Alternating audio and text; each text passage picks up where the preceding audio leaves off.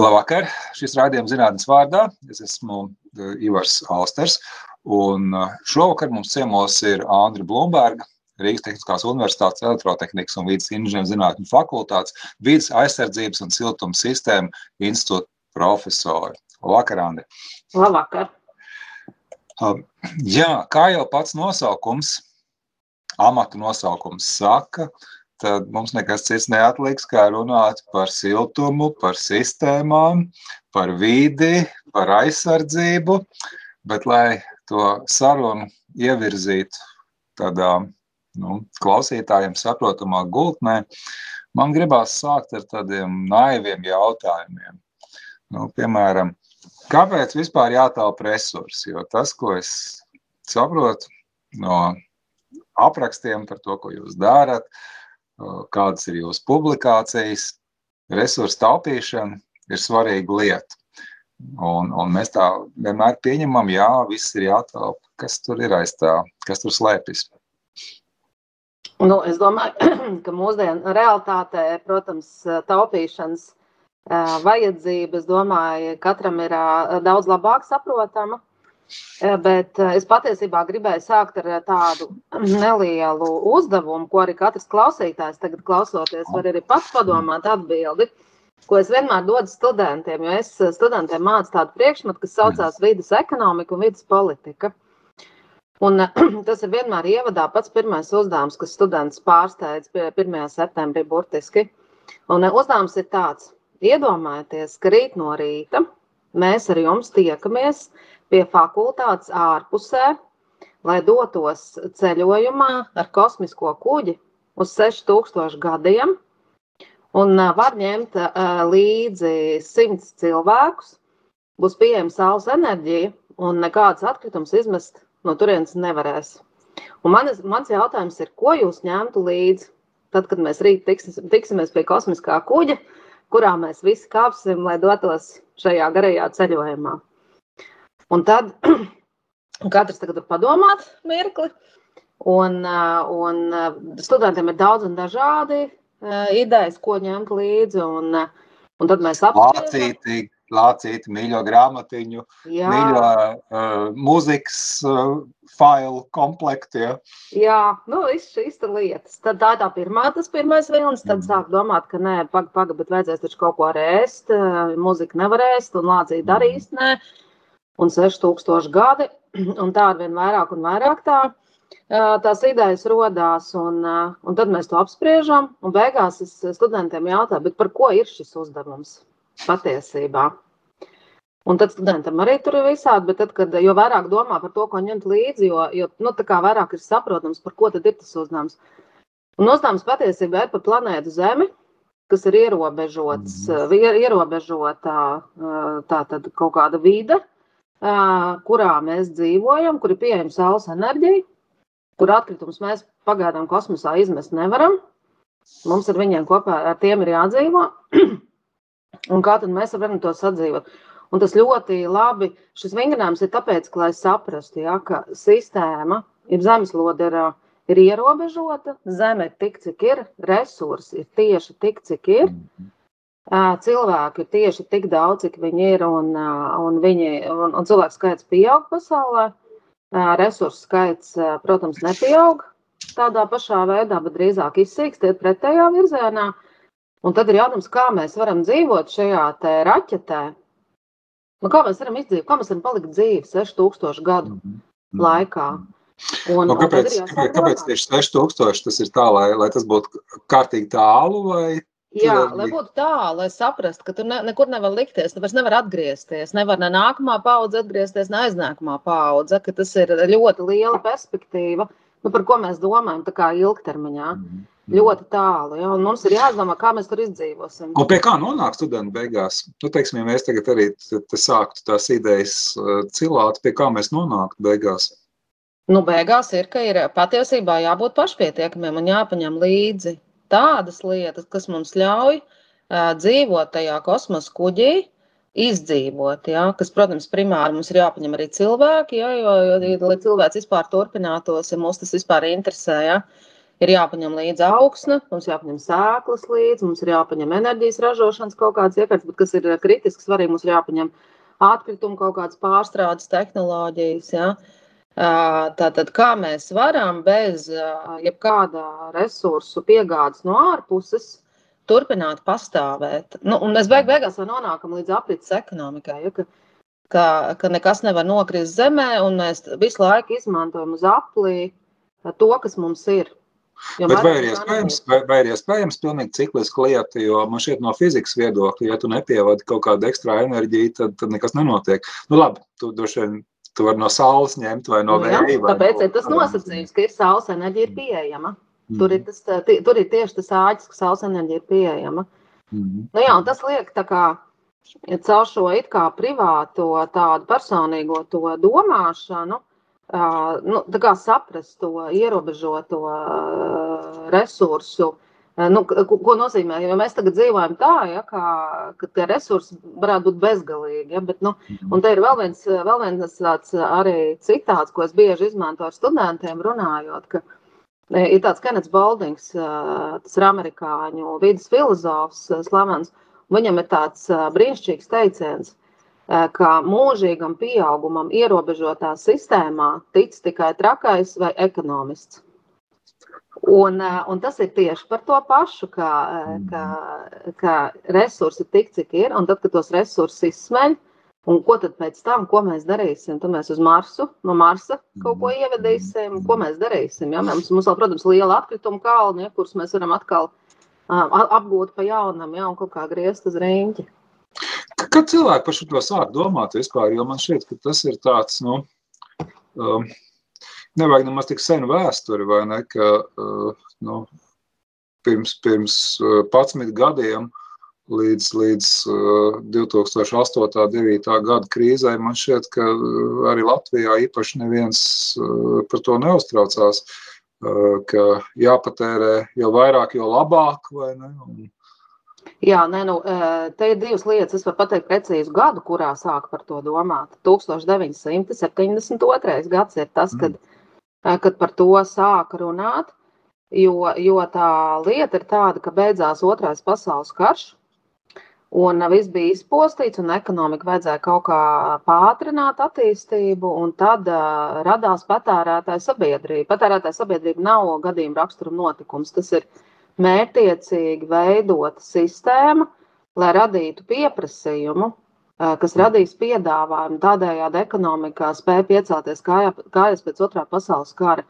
Ideja, protams, labi, kā daudzas idejas, ja, bet pārāk aizraujoties vai neparedzot tās blaknes, kas tur būs laiku, tas noved pie tā, ka 1972. gadā ir tāds slavens tāda domātāja kopā, Romas klubs, un tur mm. ir pasaules gudrākie, garšākie prāti sanāca kopā. Pasūtīja modelētājiem no Massachusetts Tehnoloģija institūta pasaules modeli, lai uzbūvē. Un pasaka, vai šādā veidā dzīvojot, mēs tiešām varam arī nu, turpināt bezgalīgi. Ja? Jo tajā laikā, protams, ticība tam, ka bezgalīgs pieaugums ierobežotā sistēmā ir iespējams.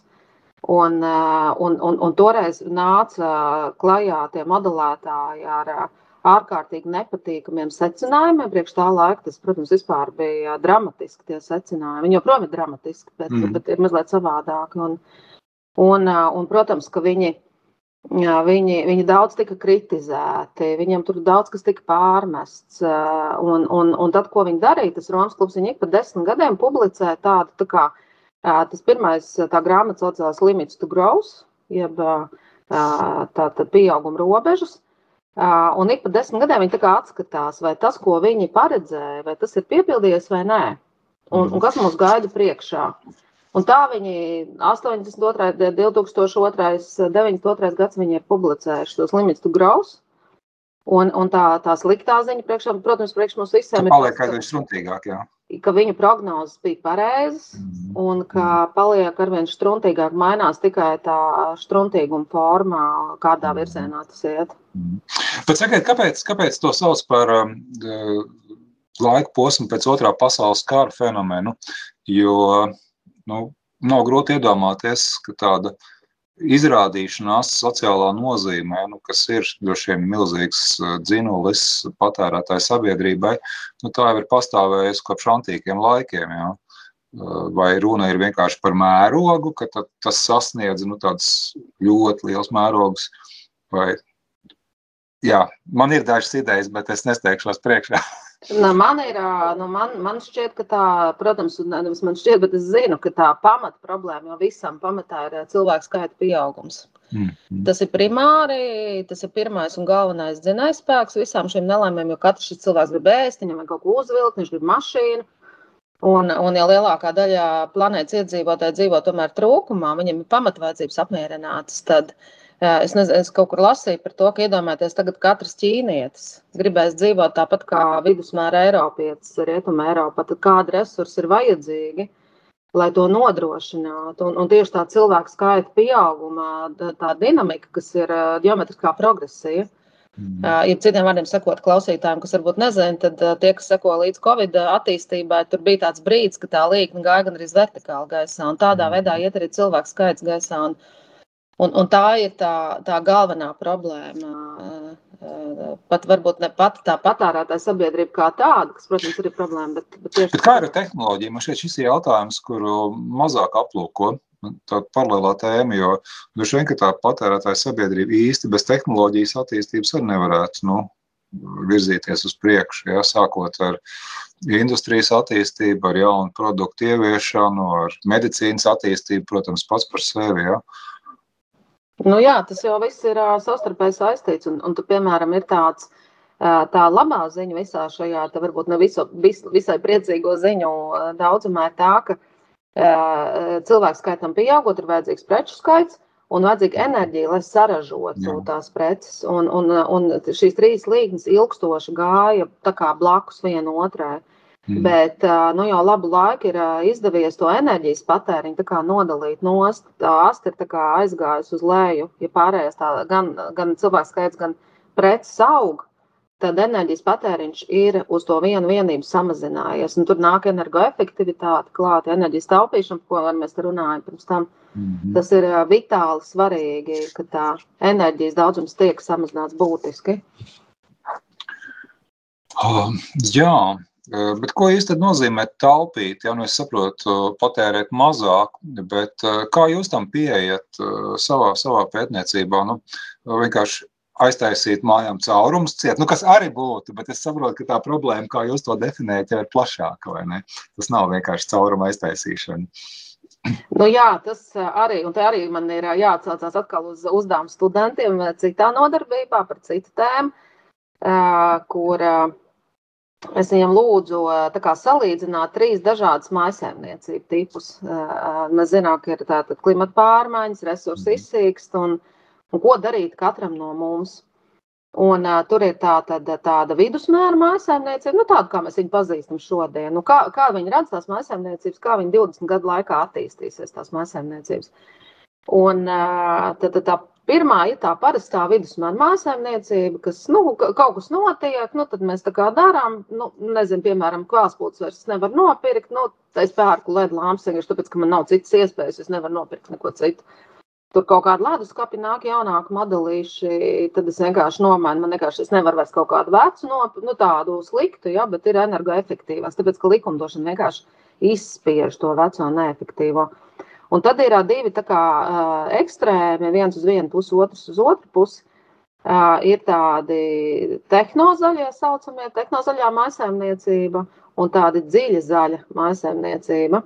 Un tā tehnozaļā ir tāda maisaimniecība, kas ir tāda moderna ļaudis, kas, mm. kas sako jaunākām tehnoloģijām, līdz tik līdz saules paneļi viņi uzliek, viņi izmanto elektromobīļus, viņi tad, tad ir ļoti vidē draudzīgi, bet viņi to dara nesamazinot komfortu. Ja? Dzīves komforts principā nemainās. Ja?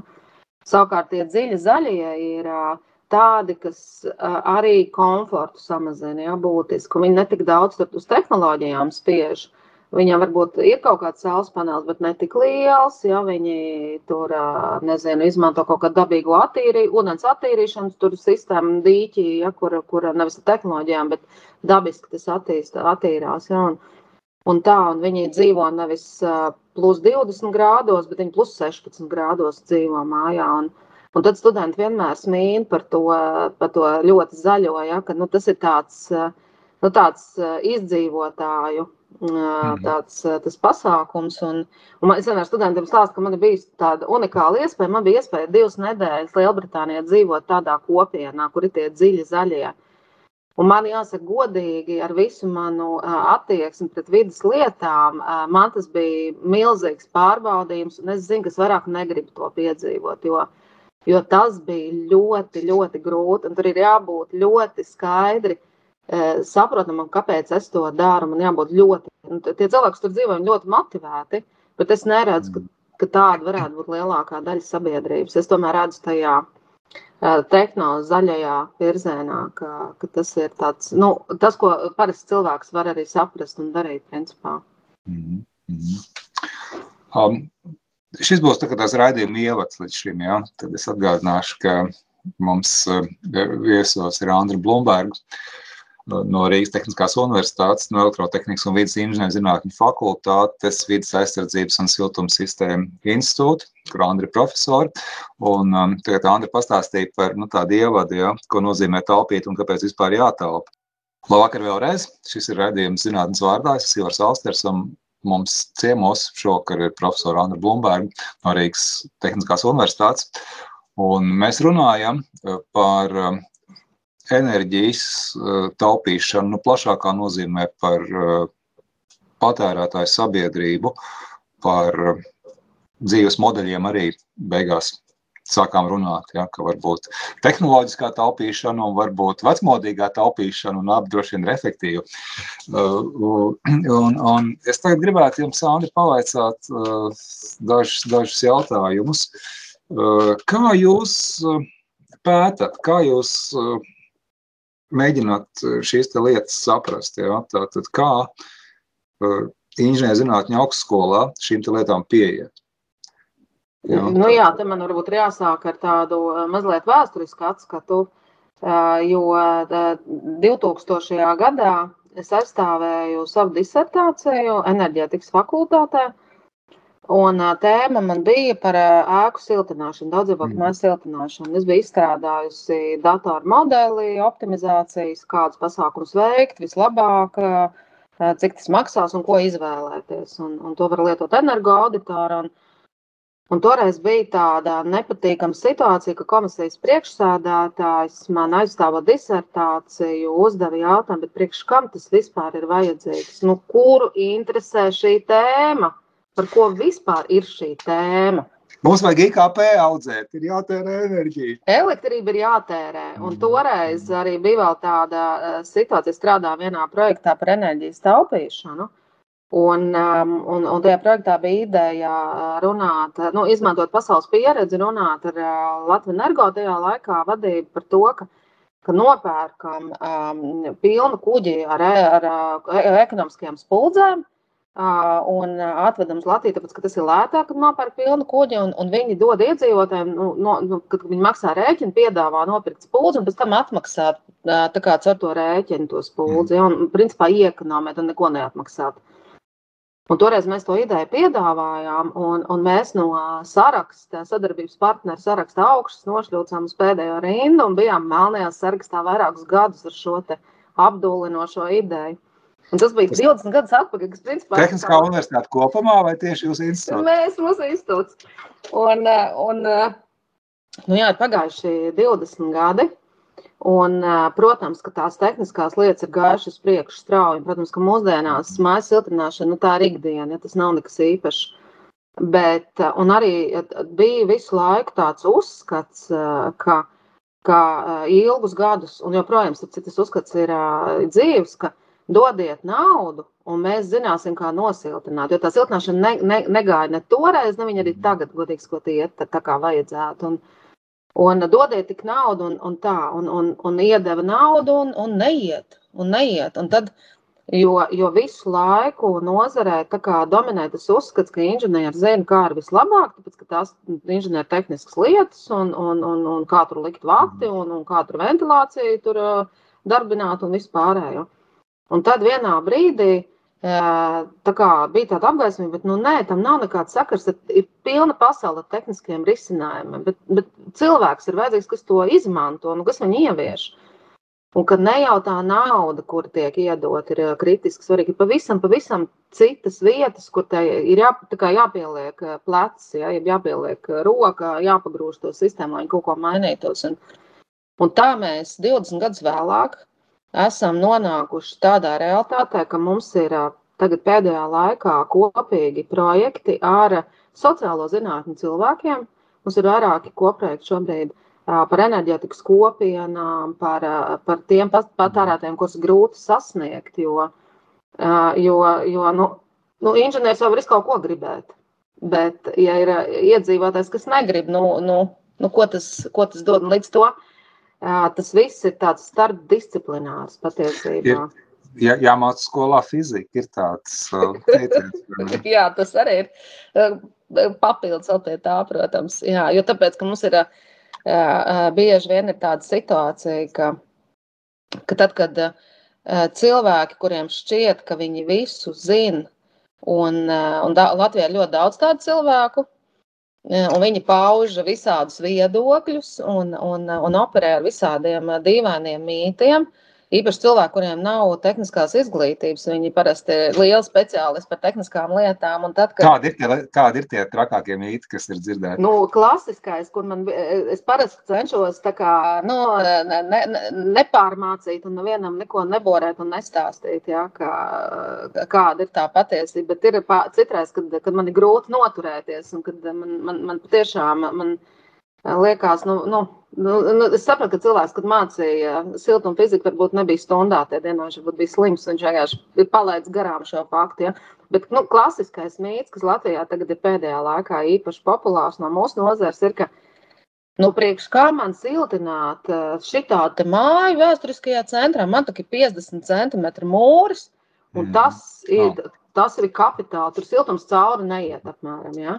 Un, un, un, un, un Nu, nav tā, nu, fizika ir pavisam savādāk. Ja? Un, un šāds mīts, ka tiek izplatīts, ja? un īpaši to izplatīts cilvēki, kuriem ir kaut kāds lēmēji varā viņi kaut kur, ja viņi var pieņemt kaut kādus lēmumus, viņi to balstu šiem te jokainiem, absurdiem mītiem. Ja? Tad, nu jā, un tad ir, nu, tad ir jāizglīto, nu, ko lai dara. Bet kā,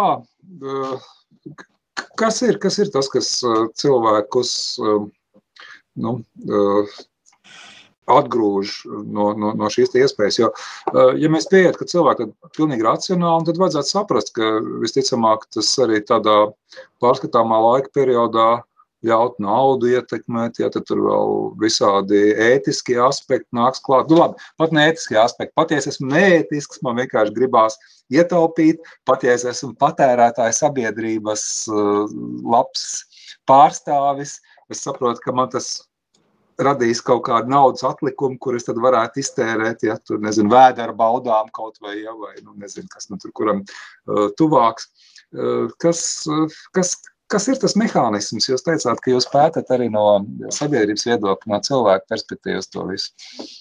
Nu, tas, kā, cik mēs esam tālu tikuši, un, un arī ko tā 20 gadu pieredze darbojoties tur no nu, dienas dienā ar to visu rāda, ka ka tā pirmā kļūda, un to arī pasaulē tagad tie, kas nodarbojas ar enerģijas taupīšanas pētīšanu, nu, pēdējos gados īpaši daudz atzīst, ka, ka tā atbilde ir cilvēku šķēršļos, kas, kas nu, cilvēku attur darīt kaut ko.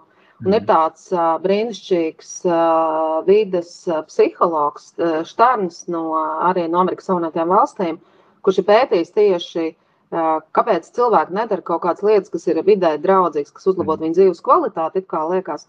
Un ka tā kļūda ir pieņēmama, ka cilvēks ir racionāls. Ja? Un, un, un cik es zinu no, no dažādiem pēdējiem neirozinātnieku un uh, psihologu vispārējiem atklājumiem, ka tomēr 90, neatceros, 97% notiek zemapziņā, ja? un tie daži procenti tur kaut kur apziņā mazliet kaut kas mums ir. Ja?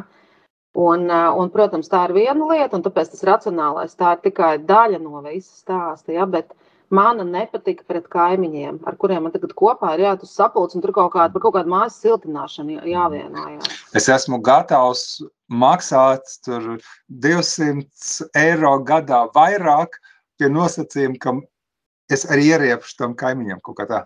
Jā, ja es vienkārši, bet iedomājieties, jāpaņem kredīts uz 20 gadiem kopā ar kaimiņu, kur, ar, kurš tev vienkārši, nevis, vienkārši nepatīk, bet riebjās varbūt, bet, ja, mm. kur tu vispār nesveicinies. Ja. Tā ir viena problēma. Protams, ir tas, ka, ja, piemēram, es, ja, ja es pat dzīvotu privāti mājā, piemēram, nu, labi, nav man kaimiņi, man nav nekāda problēma ar to. Bet tad man ir tā, nu, labi, es tagad gribētu, nu, es tagad izdomāju, es siltināšu māju, piemēram. Tā, tagad man ir jāsaprot, tā, kas man jādara, kādu man dokumentu vajadzēja. Tā, man tagad vajag kaut kādu projektētāju, kur es viņu dabūšu. Labi, es kaut kur tur dabūnu. Tagad man ir vajadzīgi celtnieki. Nu, visi celtnieki ir žuļi, mēs zinām, kur mēs. Kur, Skaidrā. kur es tagad dabūšu, kā viņš man neapkrāps, tagad labi, tur es dabūnu, cik tas maksās, viņš tur kaut ko vēl man nepaprasīs par daudz, kur es dabūšu naudu, kā es viņu aizņemšos, ņemt tur tādu likmi, šī tādu, vai banka man nepiekrāps. Ja? Un visu laiku ir kaut kādas čēršļi. Un, vairāk, un to, ko Stēns saka, jo vairāk ir šo šķēršļu, jo grūtāk, protams, man ir vispār pieņemt lēmumu par to. Ja, un, un, un tā šķēršļu vai barjeru nojaukšana ir politikas veidotājiem. Pirmkārt, ir jāsaprot, kas tie par šķēršļiem. Un, un pēc tam ir jāveido politikas, kas nojauc. Un Stēns saka, kas ir tas pats interesantākais, ka tā darīšana ir, ja mēs iedomājamies tādu tā kā sīpoli, ja, ka tā darīšana ir pašā vidū. Un tās sīpola mīzes, kamēr nenoloba pilnīgi visas līdz tam viducim, nekad nevar tikt. Bet, ja mēs tur nolobam pa vidu kaut kādu politiku, tur iedodam naudu, piemēram, ja, ja man naudas nav, bet tas man neatrisina. Kur ņemt projektētāju, kuru no daudzajiem tūkstošiem siltumizolācijas materiāliem man tagad izvēlēt, nu vēl kāds pateica, vai mīlī, tur taču sapelēs stūri mājās, kur tu te ņemies? Tagad, man, man, man, tas, man tas, Andri, izklausās tā, ka tas, ko jūs stāstat, ka tur ir tāda nu, milzīga neatbilstība, vai diezgan liela neatbilstība ar to, teiksim, kā jūs domājat, kā nozars profesionāli par šiem jautājumiem, nu, vai ko ideālā gadījumā politikas veidotāji gribētu valsts kā līmenī redzēt, un kā viens nu, normāls šī vārda, mēs liktā nozīmē, normāls cilvēks skatās uz to, ka tur ir, nu, tas, tas, tas ko, ko tu redzi, vai ne, nu, kā, kā reizēm lieto visādas tēlēnas salīdzinājumus, vai ne, ka, uh, nu, viens priekšmets no vienas puses izskatās uh, kaut kā pilnīgi atšķirīgi. Ja? Nu, nezinu, tur, tur tādu banālu salīdzinājumu lietojot, ja tu paskatīsies uz, uz, uz uh, glāzi uh, no apakšas, tu redzēsi apli vai ne, un ja no sāniem, kas tas būs kaut kāds nocirsts trapets vai trapets laikam, jā. Mm. Uh, vai ne, nu, kaut, kaut kas tāds. Jā, bet, bet arī vienlaikus, un tiešām tā arī ir. Un, Un, un to mums arī, kad mēs strādājam šajos starpdisciplinārajos projektos kopā ar sociālo zinātņu cilvēkiem, es citreiz tādu sajūtu, ka, ka viens runā ķīniešu valodā, un otrs runā vēl kaut kādā cipelnēdiešu valodā, ka mēs tā kā nesaprotamies, jā, jo mums visu laiku tiek pārmest, ka mums jānolaižās no saviem lielajiem plauktiem, mm. tehnisko zinātņu un jābūt tuvākiem tautai. Mums kā liekas, ka viņi taču nesaprot vispār drēbi, ja, un, Un, un tas ir tāds interesants arī. Tas parāda to, nu, to protams, ka mēs arī, nu, mums, protams, arī kaut kāda aizsprieduma ir tajā visā neizbēgami. Bet tas, ko mēs esam redzējuši, un arī, ka, piemēram, daudz dzīvokļu mājās, es jau 20 gadus atpakaļ grāmatu mēs uzrakstījām kopā ar kolēģiem par to, ka atslēga daudz dzīvokļu mājās ir māju vecākais. Un tas ir cilvēks, kas ir iekšpusē mājā, kas nenāk mhm. tāpēc, ka es, piemēram, no ārpuses atnāku no universitātes. Ja? Nu, es esmu ārējais, vai ne? Un, un netic cilvēki nekam no ārpuses. Ja?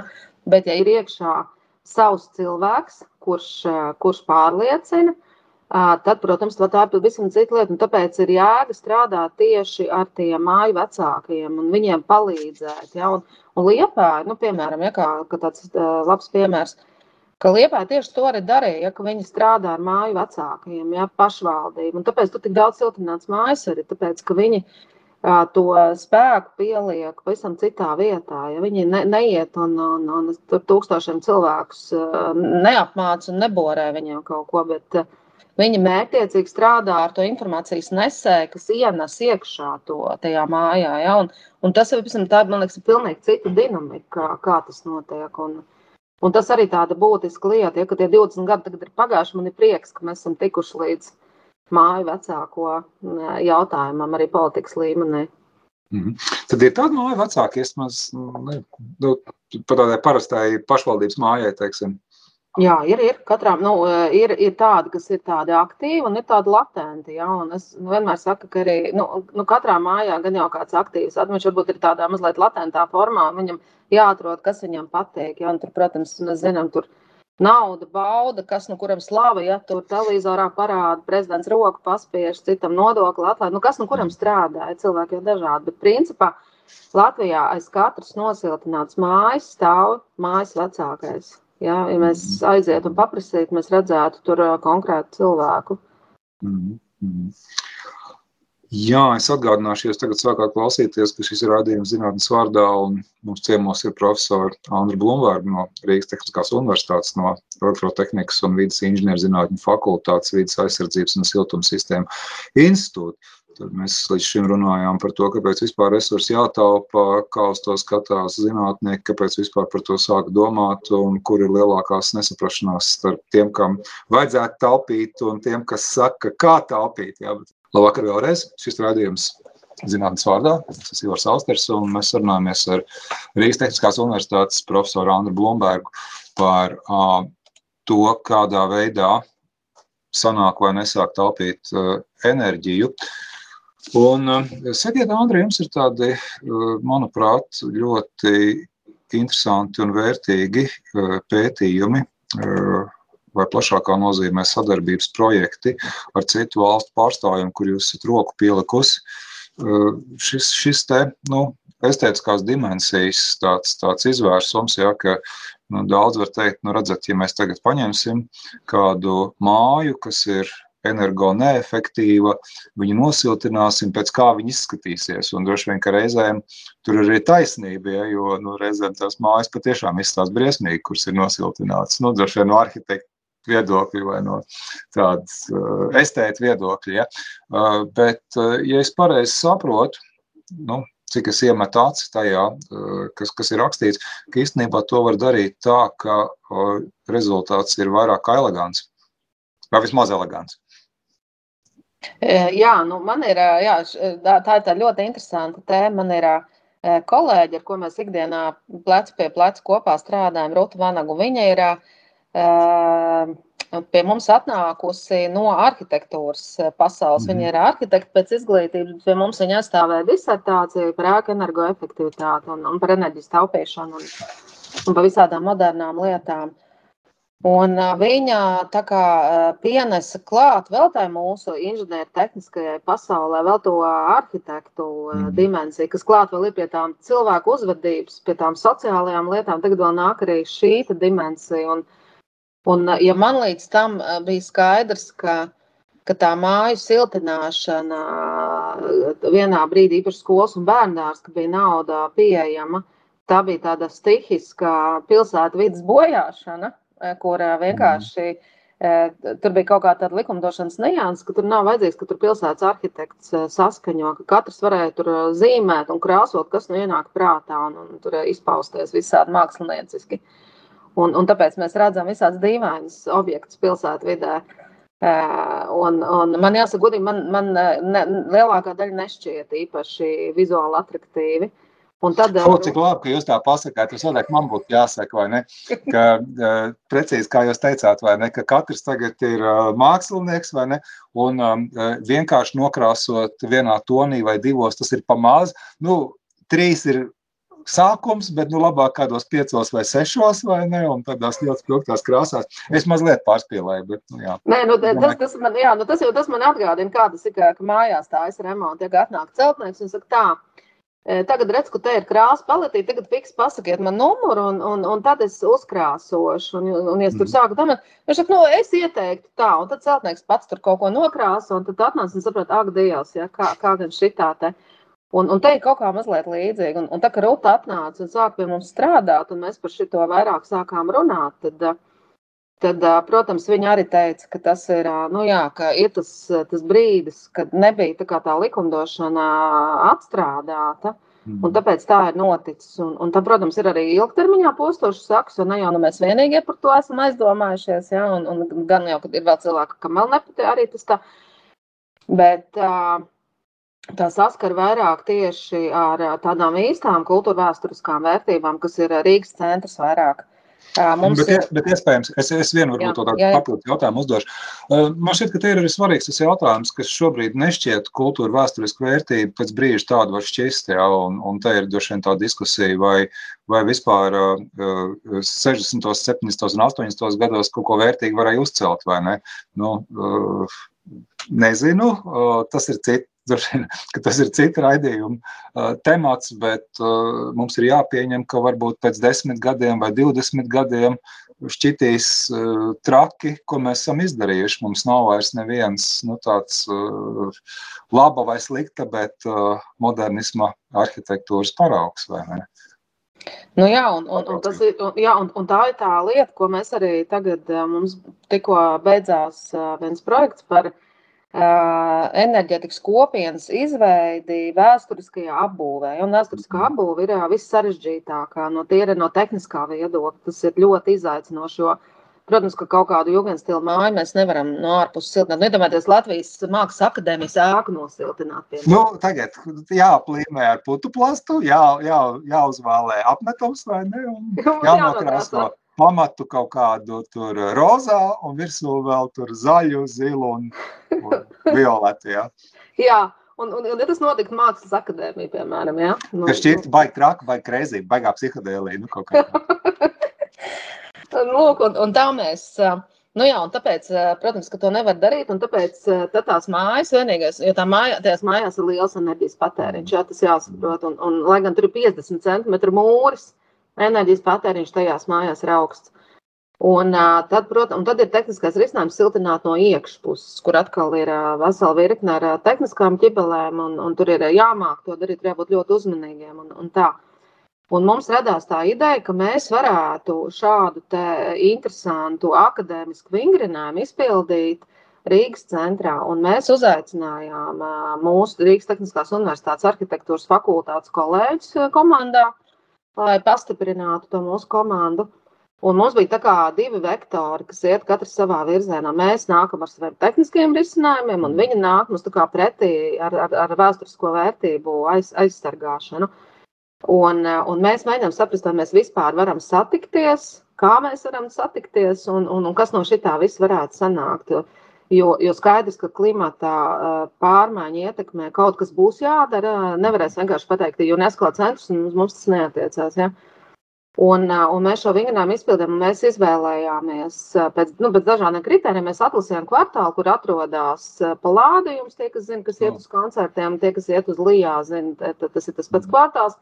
Tur ir tetam galvenais birojs, ja, un, un tur ir virkne vēl. Nu, tur ir tāda jaukta apbūve, ne? Tur daļa ir kaut kad 60, 70, jā, un tur daļa ir 20. gadsimta sākums, vai ne? Jā, un mums bija svarīgi, ka tur ir gan sabiedriskās telpas, gan dzīvojama apbūve, gan enerģija, kurā pārpalikums, tur ir datu centrs, kuriem ir siltums rodās, kura pūš laukā. Mm ka tur ir dažāda vecuma ēkas, dažāda platība. Nu, visu, tā, tas, tas kvartāls brīnišķīgs no tā, ka tur ir vismi, un tur arī tagad jauna māja tiek iebūvēta pilnīgi ultramoderna, kas tagad blakus lijā top tāda nu, saucamā plomba tur tik ielikt. Un, Un mēs to, to kvartālu analizējām. Mēs tā kā teicām, mums ir scenāri, mums vajag, lai šis kvartāls ir tehniski ļoti labs, un tur enerģētikas kopiena, un liekam saules paneļus, liekam vēja ģenerators, elektromobīļus, tur eh, siltinām, jā, maksimāli, cik mēs varam nospiest. Un mums bija jautājums, vai tas kvartāls var kļūt pašpietiekams enerģētiski vai nē. Tas bija kā mūsu jautājums no inženieru puses. Mm. Un pretī bija arhitekti, kuriem bija uzdevums pateikt, ko kurai mājai drīkst darīt, un ko nedrīkst ķerties klāt. Nu, piemēram, fasādi nedrīkst aiztikt. Un tad, protams, bija piemēram jautājums par to pašu tetu. Māja, kas ir tāda padomju laika apbūta, tāda pelēcīga, ja, ko darīt? Nu, tā kā no ārpuses vai tomēr no iekšpuses, ja, mhm. un, un kā rīkoties. Un, Un, un, un tas viss bija tikai tā, nu, un, mēs, un, un tur, protams, vēl ir problēma tāda, ka Rīgas centrā ir, tas ir UNESCO aizsargāts, tad uzkāpjot jebkurā tornī Rīgai pa perimetru, nedrīkst mainīties skats no augšas. Kas principā pasaka, ka saules paneļus nedrīkst likt uz jumta, citiem vārdiem sakot. Nu jā, bet, un te tas jautājums, nu ja neko tādu vispār nevar darīt un nevar ne siltināt neko, tad šie kvartāli ir nolēmti tam, ka cilvēki tur nedzīvos, enerģijas cenām pieaugot. Vienkārši tās izmaksas ir lielas. Ja, un, Un, un, un, un vai tiešām tāda kritiska pieķeršanās tam, ka nu, neko nedrīkst, ja?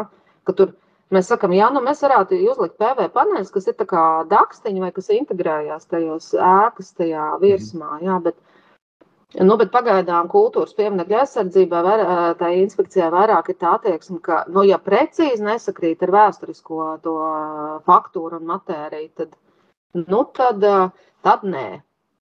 Un, mm. un, nu, tā kā man jāsaka, ka tas bija tāds interesants, nu, tāds, no sākuma tas bija dziļi akadēmisks vingrinājums, kas šobrīd izskatās, ka varbūt vienā brīdī pat varbūt varētu pārvērsties par kaut ko reālu. Bet tad, tad jūs varēsiet to izdarīt, vai, vai tomēr jūs Ja, to to pārvest par to, par to, par to enerģētikas kopienu, es domāju. Jā, jā. Par to kvartālu. Jā, nu mēs tagad uh, gribam runāt. Mēs ar Rīgas domu esam runājuši arī par to, ka varbūt var uh, pieteikties. Ir daudz dažādu uzsākumu pilsētām, uh, tur dažādiem projektiem, ka varētu to varbūt kā kaut kādu tā saucamo Lighthouse projektu, bāks uh, projektu uh, laist. Uh, mēs šobrīd pie tā strādājam. Bet sakiet, kā šeit ir tagad? Nu, atstājam mierā šo kvartālu, kas ir tas UNESCO centrs, bet vai vienam mājas īpašniekam vienalga Rīgas nomalas daļā vai kādā mazākā pilsētā, vai tas nav arī tā, tāds, nu, prestiža dzinulis, ka tev uz mājas jumta ir tur, nezinu, saules paneļi vai ne, ka tu esi nosiltinājis, nu, ka tu esi tā kā sociāli atbildīgs un pie viena tu vari parādīt, ka tu esi kaut ko izdarījis, visu to redzi, ja, jo, nu, te ir tā lieta, ja tu no iekšpuses kaut ko izdari, nu, to neredz, vai ne, bet no otras puses, no ārpuses, ja, tad visiem ir skaidrs, ka tu esi, nu, vismaz normāls vidusšķirs pārstāvis, kurš domā arī par kaut ko labu Jā, tā, tā ir. Es domāju, ne līdz šim, līdz pat šai enerģētikas krīzei,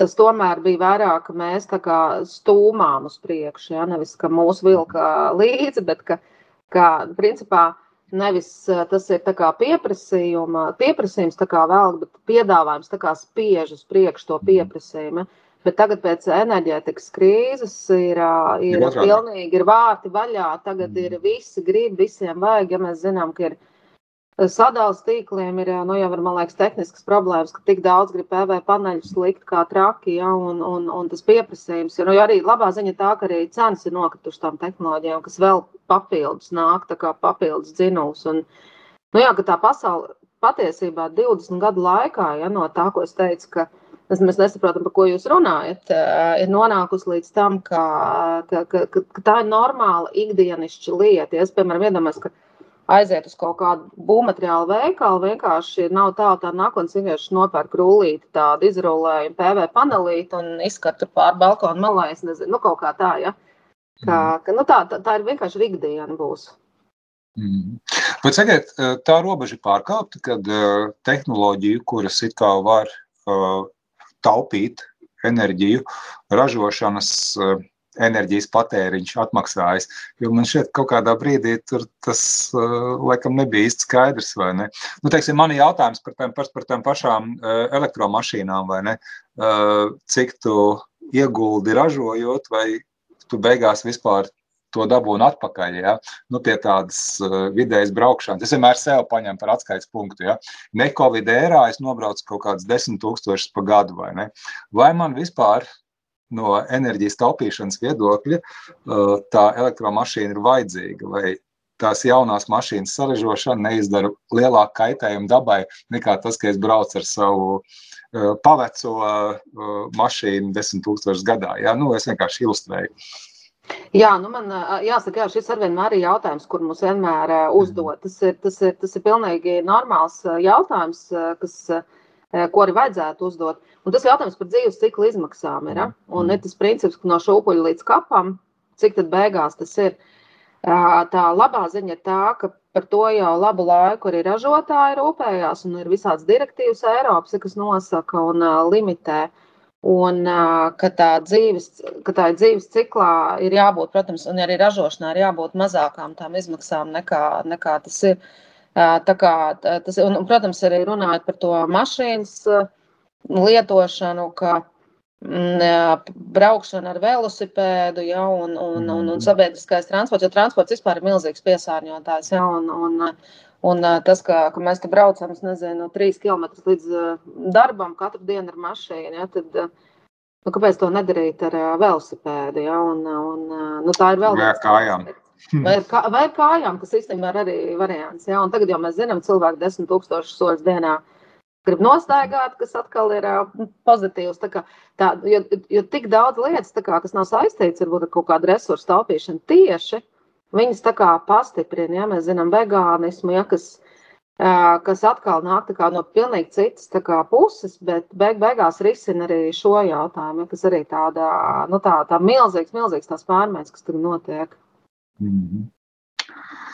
Sakiet, Andri, ko jūs varētu ieteikt tagad tiem, kas klausās, nu, pārsvarā droši vien jauni cilvēki, ja, jo radio nabi ir studenti radio, uh, primāri. Bet, nu, kā skatīties, ar ko sākt? Varbūt tas būtu tas svarīgais jautājums. Mums raidījums tuvojas beigām. Vienkārši, ko mēs varētu kā atskaites punktu iedot. Nu, kā par to domāt? Ja, jo nu, tā aprakstoši, nu, to jau visi zina, vai ne? Kas ir pareizi, kas ir labi, kā vajadzētu. Bet nu, tāds kabatā turamais uh, atskaites punkts, ja ko reizēm izvilkt un pastīties tā. Šis ir atskaites punkts manai rīcībai. Ko man tagad darīt? Nu, citi izmanto ekoloģisko pēdu, piemēram, jā, ir dažādas aplikācijas pieejamas. Es varu ievadīt, ko es tur daru, un es redzu, kāda ir mana ekoloģiskā pēda, cik liels mans nospiedums uz dabu. Citiem vārdiem sakot, tā pēda parāda, cik es ar savu rīcību notērēju planētas resursus, ja, un, un, un, un cik liela man ir tā, nu, pēc iespējas tā pēda jāsamazina, cik vien es varu. Mm. Un tas ir tāds uzskatāms veids, un tagad ļoti daudz visādi modernas tiešām aplikācijas, kur ļoti attraktīvos veidos ir tāds populārs, piemēram, ļoti jauna, es zinu, ka jauniešu vidū ir tas saucamais donuts ekonomija, jeb kā latviski donuts, tas ir virtuāls. Virtuāls, virtuāla ekonomika, ja. Un, un tā ir tāda koncepcija, kas principā runā par to pašu, jau vienmēr par resursu patēriņu, bet kur vienā pusē ir ilgspējība, tam, nu, tam kā no ārpuses ir tas dzīves, un vid, vidū ir tā ietekme uz vidi. Ja, un tad cilvēks var izrēķināt to savu virtuli, cik tas virtulis ir liels, un saprast, kā to virtuli saplacināt vai samazināt. Ja, un, Un tā ir tāda, tāda, tāda vizualizācija vienkārši parastiem cilvēkiem, ar ko sākt. Tur ļoti daudz ko var saprast, jā, kāpēc, kāpēc, kas ko ietekmē. Un te var arī sacensties un var piekārt sociālos tīklos savu virtuvi, vai ne? Jā, jā tā ir ļoti, ļoti laba ideja. Jā. Mm -hmm. Paldies jums, Andris. Atgādināšu, ka jūs pēdējo, pēdējo stundu klausījāties redzējumu zinātnes vārdā, un mums ciemos bija, nu, vēl ir pēdējās minūtes profesora Andra Blumberga no Rīgas Tehniskās Universitātes, no Elektrotehnikas un vidas inženieru zinātņu fakultātes, vidas aizsardzības un siltuma sistēmu institūta. Es teikšu, paldies jums, Andra, bija man ļoti interesants saruna par to, kā taupīt, kāpēc taupīt un kāpēc reizēm neizdodas. Paldies! Rādījumu šoreiz vadīja Ivars Alsters. Tiekamies citā reizē.